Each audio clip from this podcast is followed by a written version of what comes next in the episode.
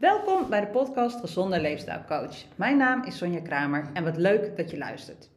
Vandaag heb ik een interview met José Maas, loopbaanconsultant bij Staat van Dienst. Goedemorgen of middag of avond, ligt eraan wanneer iemand dit luistert, José.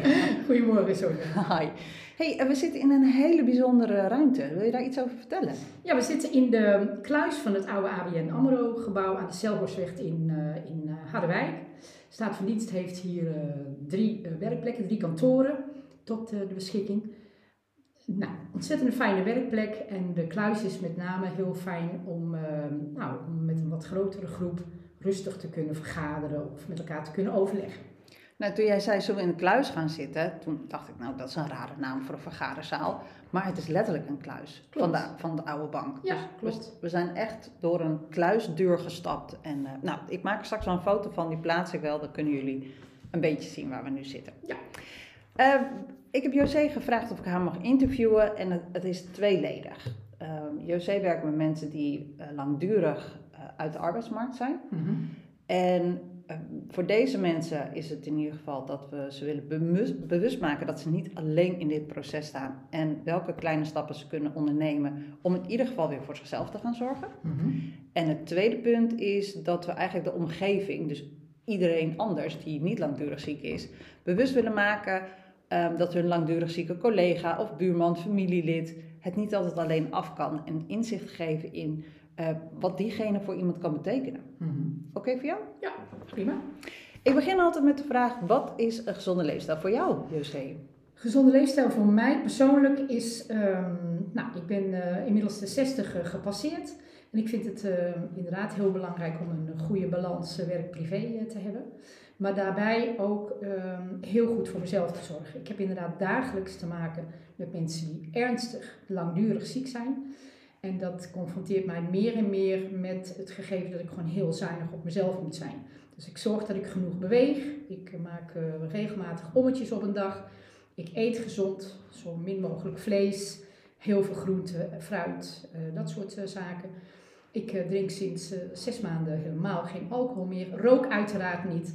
En zorg voor een, een, goede, goede nachtrust. En dat vind ik echt, dat zijn voor mij wel de pijlers voor mijn eigen gezondheid.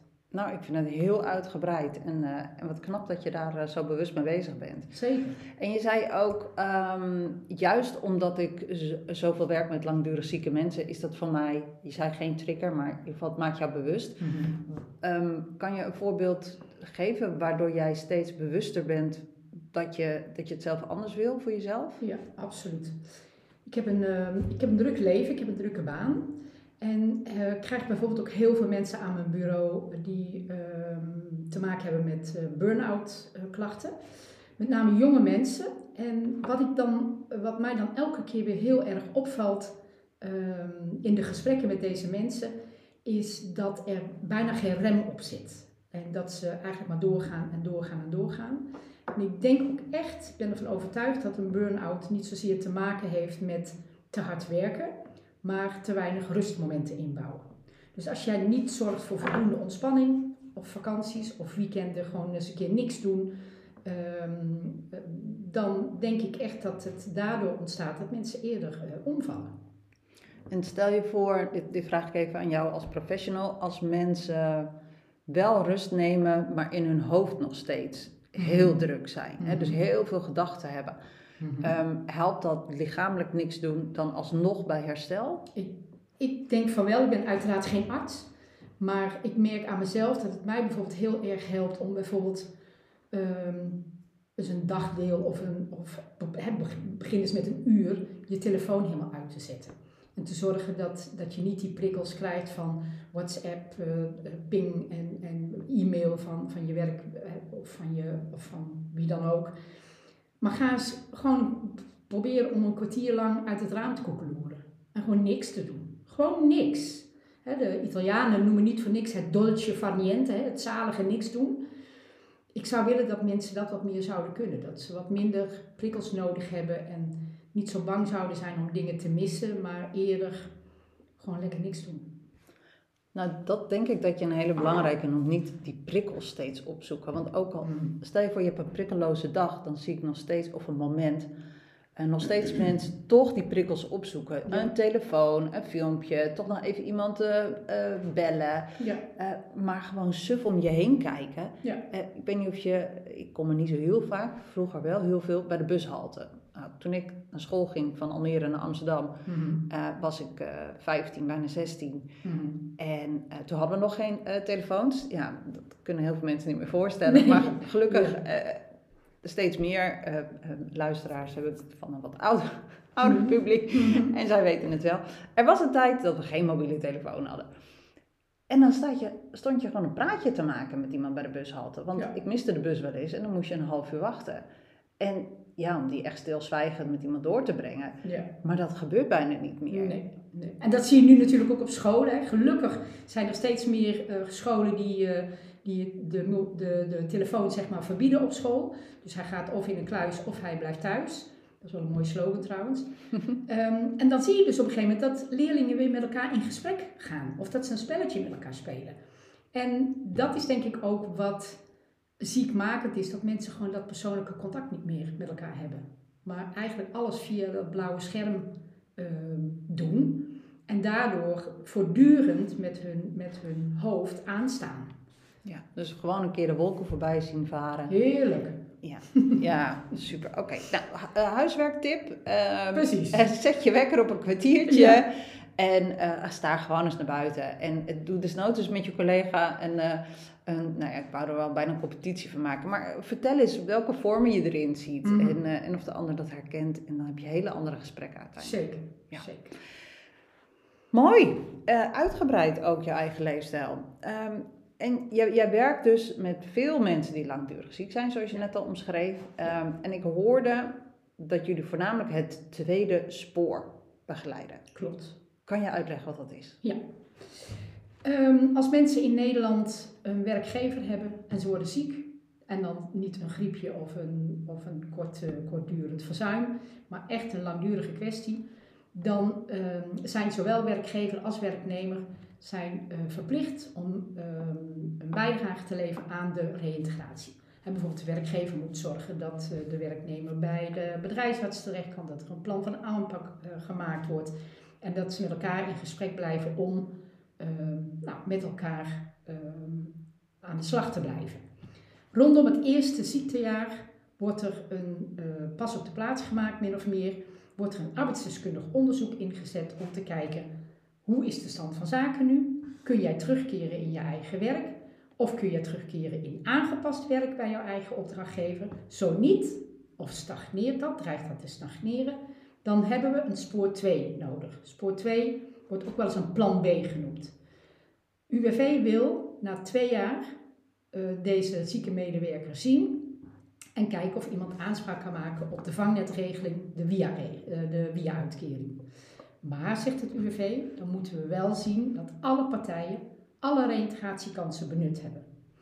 Wij als Spoor 2 bureau gaan samen met kandidaten op zoek, niet zozeer van wat kun je niet, maar wat kun je nog wel. Dus mensen nemen een FML mee, dat is een functionele mogelijkhedenlijst, opgesteld door een bedrijfsarts waarin staat, hierin is medewerker op die en die punten beperkt.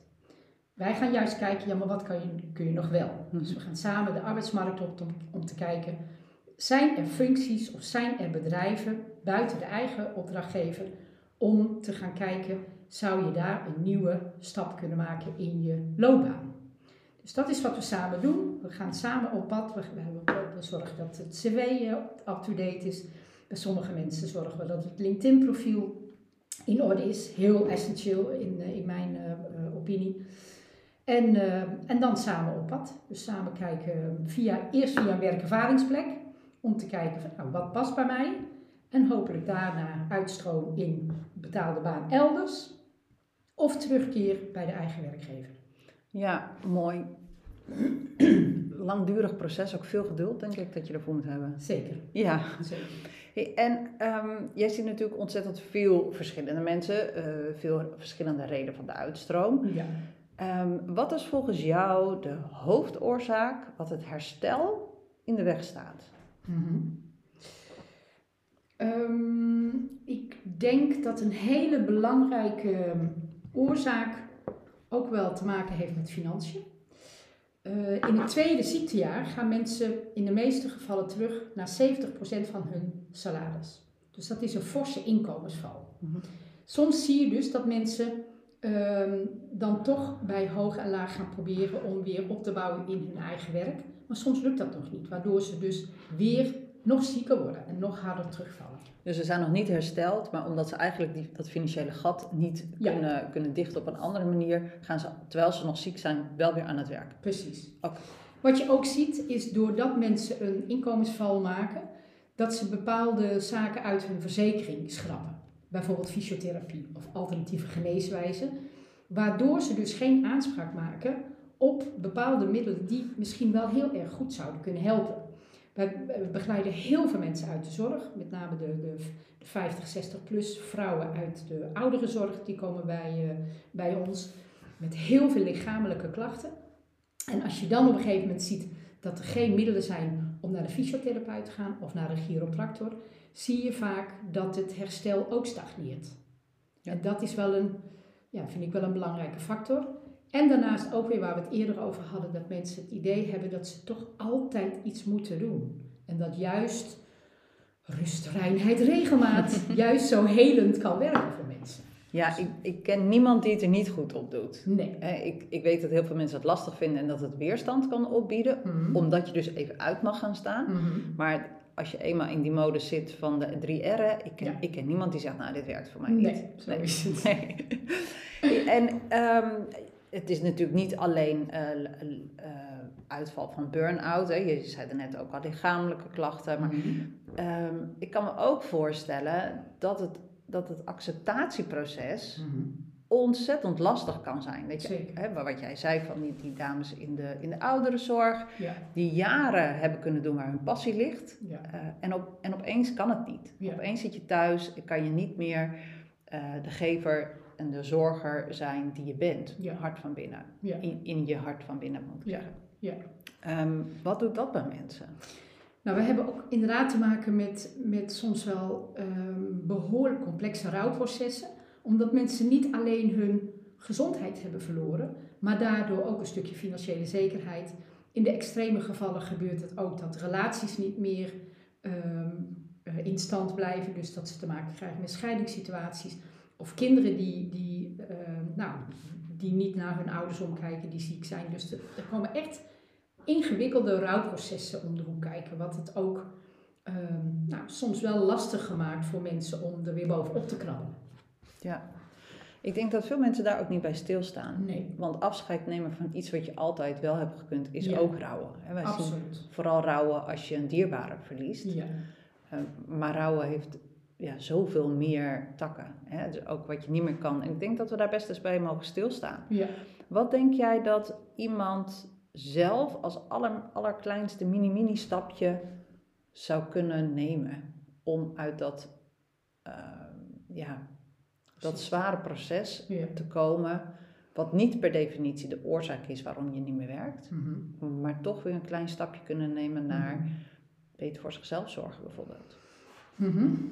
Nou ja, ik vraag natuurlijk ook altijd aan mensen eh, wat hun levensstijl is. Hè? Dus als je dan toch hoort dat mensen bijvoorbeeld nog blijven roken. En voor sommige mensen is roken ook een soort van vriendje. Hè? Een, een soort van ja, stressverlager. Terwijl we natuurlijk bijna allemaal weten dat het juist de andere kant op gaat. Maar ik ben natuurlijk geen dokter en ik ga natuurlijk niet tegen mensen zeggen: jij moet stoppen met roken. Maar je kan wel aangeven dat dat nou niet bepaald bevorderlijk is voor het herstel. Ik heb echt mensen die ehm, eh, COPD hebben of echt ernstige longklachten, longkanker, maar ook andere soorten van kanker, die het gewoon jammer genoeg niet lukt om te kunnen stoppen met roken. En dat is ook super verdrietig om te zien, want die tabaksindustrie maakt de, de, de sigaretten elk jaar meer en meer verslavend. Dus mensen zijn echt gevangen in een, in een web van, van verslaving. En dat vind ik echt wel heel verdrietig om te zien. Ja. Ja, ik wil- even sidestep. Ik kreeg hem opeens zo in mijn hoofd. Mhm. Maar ik hoorde laatst van iemand die zei: eh, heel veel jongeren zijn dus niet meer gevoelig voor de plaatjes op de pakjes. Nee.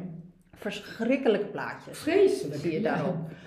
Eh, maar op de een of andere manier verstomt dat brein en zegt: ja, eh, boeien, weet je, dat, ik zie er nu goed uit. Mhm. we zien wel wat er gebeurt. Of dit gebeurt mij niet. En dus eigenlijk al die waarschuwingen helpen niet. Maar dit, dit is een onderzoek geweest toen ze zeiden van, maar weet jij dat jij als uh, reclametool gebruikt wordt? Wist jij dat de hele marketing op jongeren gericht is om jou te laten beginnen met roken, om jouw geld uit jouw zakken te kloppen? Zeker. En toen dachten ze, wacht even, dus volwassenen hebben een marketingtool om jongeren om mij aan het roken te krijgen. Mhm. En dat was wel de switch. Mhm. Dus niet van, oh ja, de volwassene die wil Mhm. mij iets laten doen. Want het is al mijn hele leven zo dat de volwassene mij iets wil laten doen. Hè. Ik, ik mag niet tv kijken, ik moet vroeg naar bed, ik moet gezond eten. Ja, ja, ja. En dan gaan ze ook nog zorgen dat ik rook. Ja, maar dat pik ik niet. En dat was dus volgens dat onderzoek een reden om wel te gaan stoppen. En dat vond ik super interessant. Dus ik dacht, nou misschien kunnen we dat ook voor de grote mensen Nou, ik veranderen. hoop dat dat doorzet inderdaad. Ja. Ja. Oké, dus hè, je, je, je ziet dus ook de eh, onkunde af en toe. Hè. Niet Ja, meer roken onmacht. is natuurlijk Ja. ook een hele grote stap. Zeker. Eh, kan je ook wel eens met deze mensen zoeken naar een wat kleinere stap, wat wel mogelijk is? Bijvoorbeeld, eh, jullie hebben ook mensen die niet meer buiten komen, bijvoorbeeld Mhm, door misschien mhm. wel straatvrees of lichamelijke klachten of Mhm. heel veel angsten. Ehm, is, is er iets wa- waarvan iemand zegt van, nou weet je, vandaag wil ik wel eens proberen om in ieder geval eens eh, mijn voordeur open te doen? Ga ik nog ineens naar buiten? Nou ja, ik, dat vind ik wel een lastige eh, scheidslijn, zeg maar. Want ik zeg ook altijd, ik ben geen psycholoog. Mhm. Ik ben geen wandelcoach, ik ben loopbaanconsultant. Dus waar ik vaak kleine stappen en ook wel hele grote stappen zie in, in herstel van mensen, is dat ze op een werkervaringsplek terechtkomen, ook al is het maar twee uurtjes per week, waarin ze weer horen, wat fijn dat je er bent. Wat heb je dat goed gedaan? Dat hebben mensen echt al langere tijd niet gehoord. Ze zijn uitgevallen met welke klachten dan ook. Hè, kan burn-out zijn, met long covid. We hebben veel te maken met long covid eh, eh, klanten.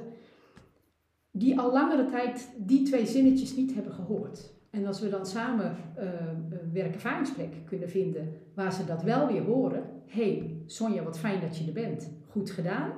Je ziet mensen gewoon weer rechtop gaan lopen. Je ziet echt mensen van daaruit weer gaan groeien.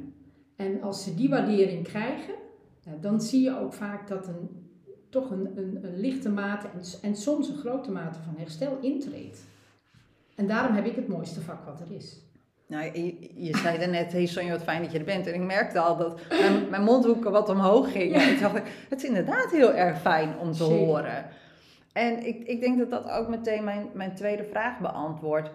Misschien zijn dat ondertussen al mijn dichtste vraag. Maar eh, wat kan een ander doen? Wat kan een ander doen die in zijn of haar omgeving iemand kent die langdurig ziek is? Mhm. Ik denk dat dit al het mooiste is wat je iemand kan geven. Zeker. Vaak, en dat zie je natuurlijk ook bij mensen die in een, ehm, in een langdurig rouwproces omtrent het verlies van een geliefde zitten. Hè. Mensen die, die daar heel moeilijk uitkomen, die merken op een gegeven moment ook dat ze mensen verliezen, omdat ze zoiets hebben van ja, is, is ze er nou nog niet overheen? En dat speelt ook heel vaak bij mensen die langdurig ziek zijn. Van, is ze nou nog niet beter? En gaat ze nou nog niet aan het werk?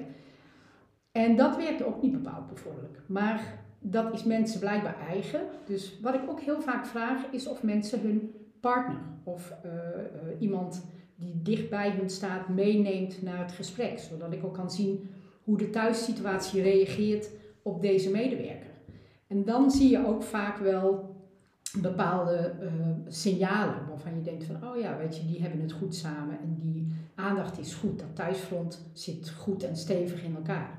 Maar soms zie je ook dat, dat een, een, een partner bijvoorbeeld zegt van, ja, ik vind ook dat ze onderhand wel weer aan het werk kan, weet je wel. Dus dat, nou ja, die omgeving is inderdaad wel heel belangrijk, absoluut. Ja, mooi. Dus als je ook iemand ziet in je eigen omgeving waarvan je denkt, hé, dat- misschien is het thuis niet heel stabiel. Of Mhm. hè, dat je ook eens gewoon een keer vraagt, hoe, hoe is het met je vandaag? Hoe is het nu met Ja, ik, ik las toevallig, volgens mij las ik het op LinkedIn, dat er een actie is dat ehm, ehm, iemand heeft bedacht om kaartjes te sturen naar mensen, niet alleen als ze een gebroken been hebben of als ze eh, me- eh, fysiek ziek zijn, maar ook als ze mentaal ziek zijn.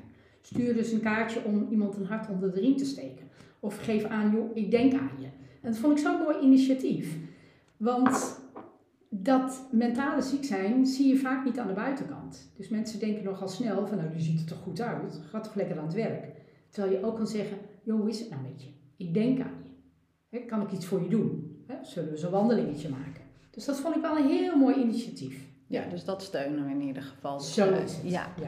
Nou, soms zeggen mensen ook wel eens, het is, het is makkelijker om je arm of je been te breken. Zeker. Want dat kunnen mensen aan de buitenkant zien. Zeker. Maar als er iets mentaals scheef zit, en dat, dat kan om welke reden dan ook Ja. iedereen overkomen, Ja. dat komt in alle lagen van de bevolking voor, is dat voor heel veel buitenstaanders lastiger te ervaren. Absoluut. Ehm, als ik kijk naar, naar het stukje leefstijl en langdurig ziek, dan denk ik wel altijd blijf op zoek gaan naar het aller, allerkleinste stapje Zeker. wat je zelf kan nemen. Hè? Wat jij zei van, nou, kijk, kijk eens of er iemand is in je omgeving waar je een wandelingetje mee kan maken. Of ehm, wat jij zei, nou ja, je, dat is al een grote stap. Hè? Zes maanden überhaupt geen alcohol drinken. Mhm. Kijk, kijk eens of je een keer, eh, als je op gezette tijden eh, een glaasje inschenkt voor jezelf, kijk eens of je, of je één glas kan veranderen voor iets anders waar geen alcohol in zit. Mhm.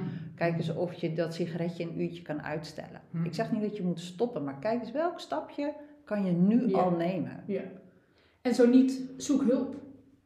Zeker. Ja, Zeker. ja. Kijk, sommige mensen, als je kiespijn hebt, ga je naar de tandarts. En als je buikpijn hebt, dan ga je naar de huisarts. En soms heb je last van je, van je brein of van je psych. Ja, dan ga je naar een, naar een ander soort arts. Dan ga je naar een psycholoog of dan ga je naar de POH die je misschien kan ondersteunen in bepaalde eh, opzichten.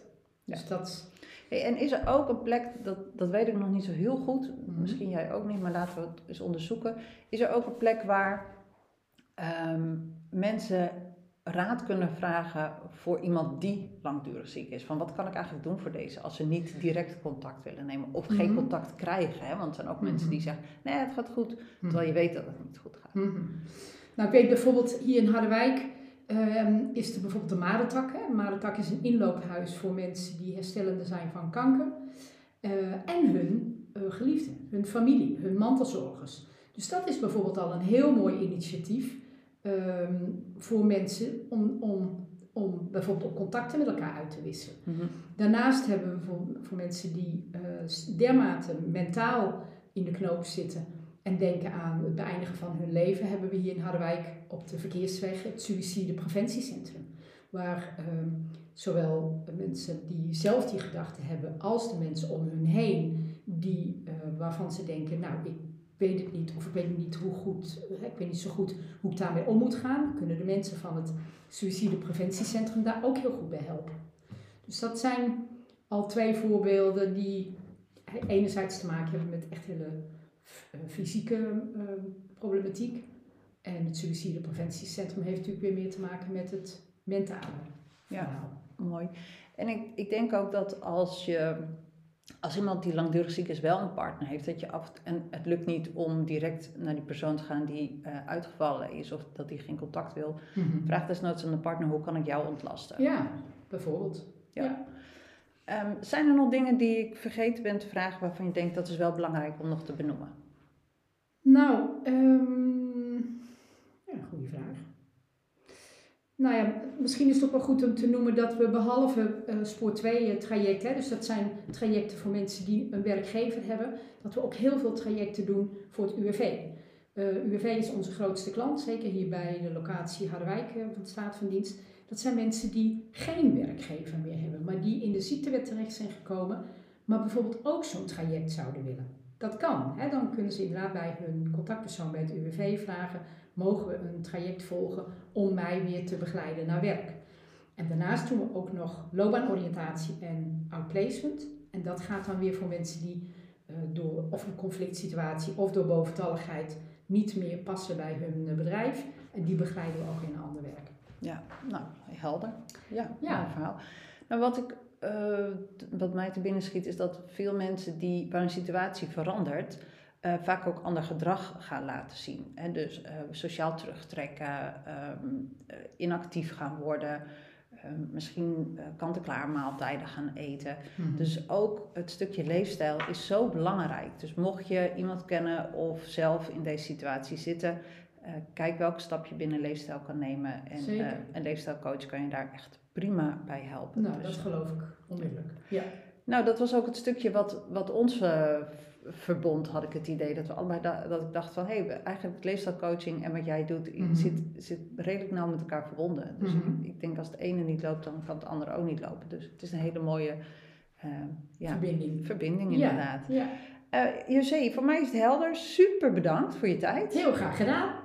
En eh, bedankt voor het luisteren. Mocht je vragen hebben aan José, u weet mij te vinden op sonja.gezonder.nl. En dan zorg ik dat José alle vragen binnenkrijgt en dat ze contact met je kan opnemen. Vergeet de podcast niet te beoordelen met bijvoorbeeld 5 sterren. Of dus eigenlijk doe het dus wel. Dus niet vergeten om het niet te doen. En je kan de podcast gratis volgen eh, door op volgen te drukken op Spotify. Dankjewel en tot de volgende aflevering.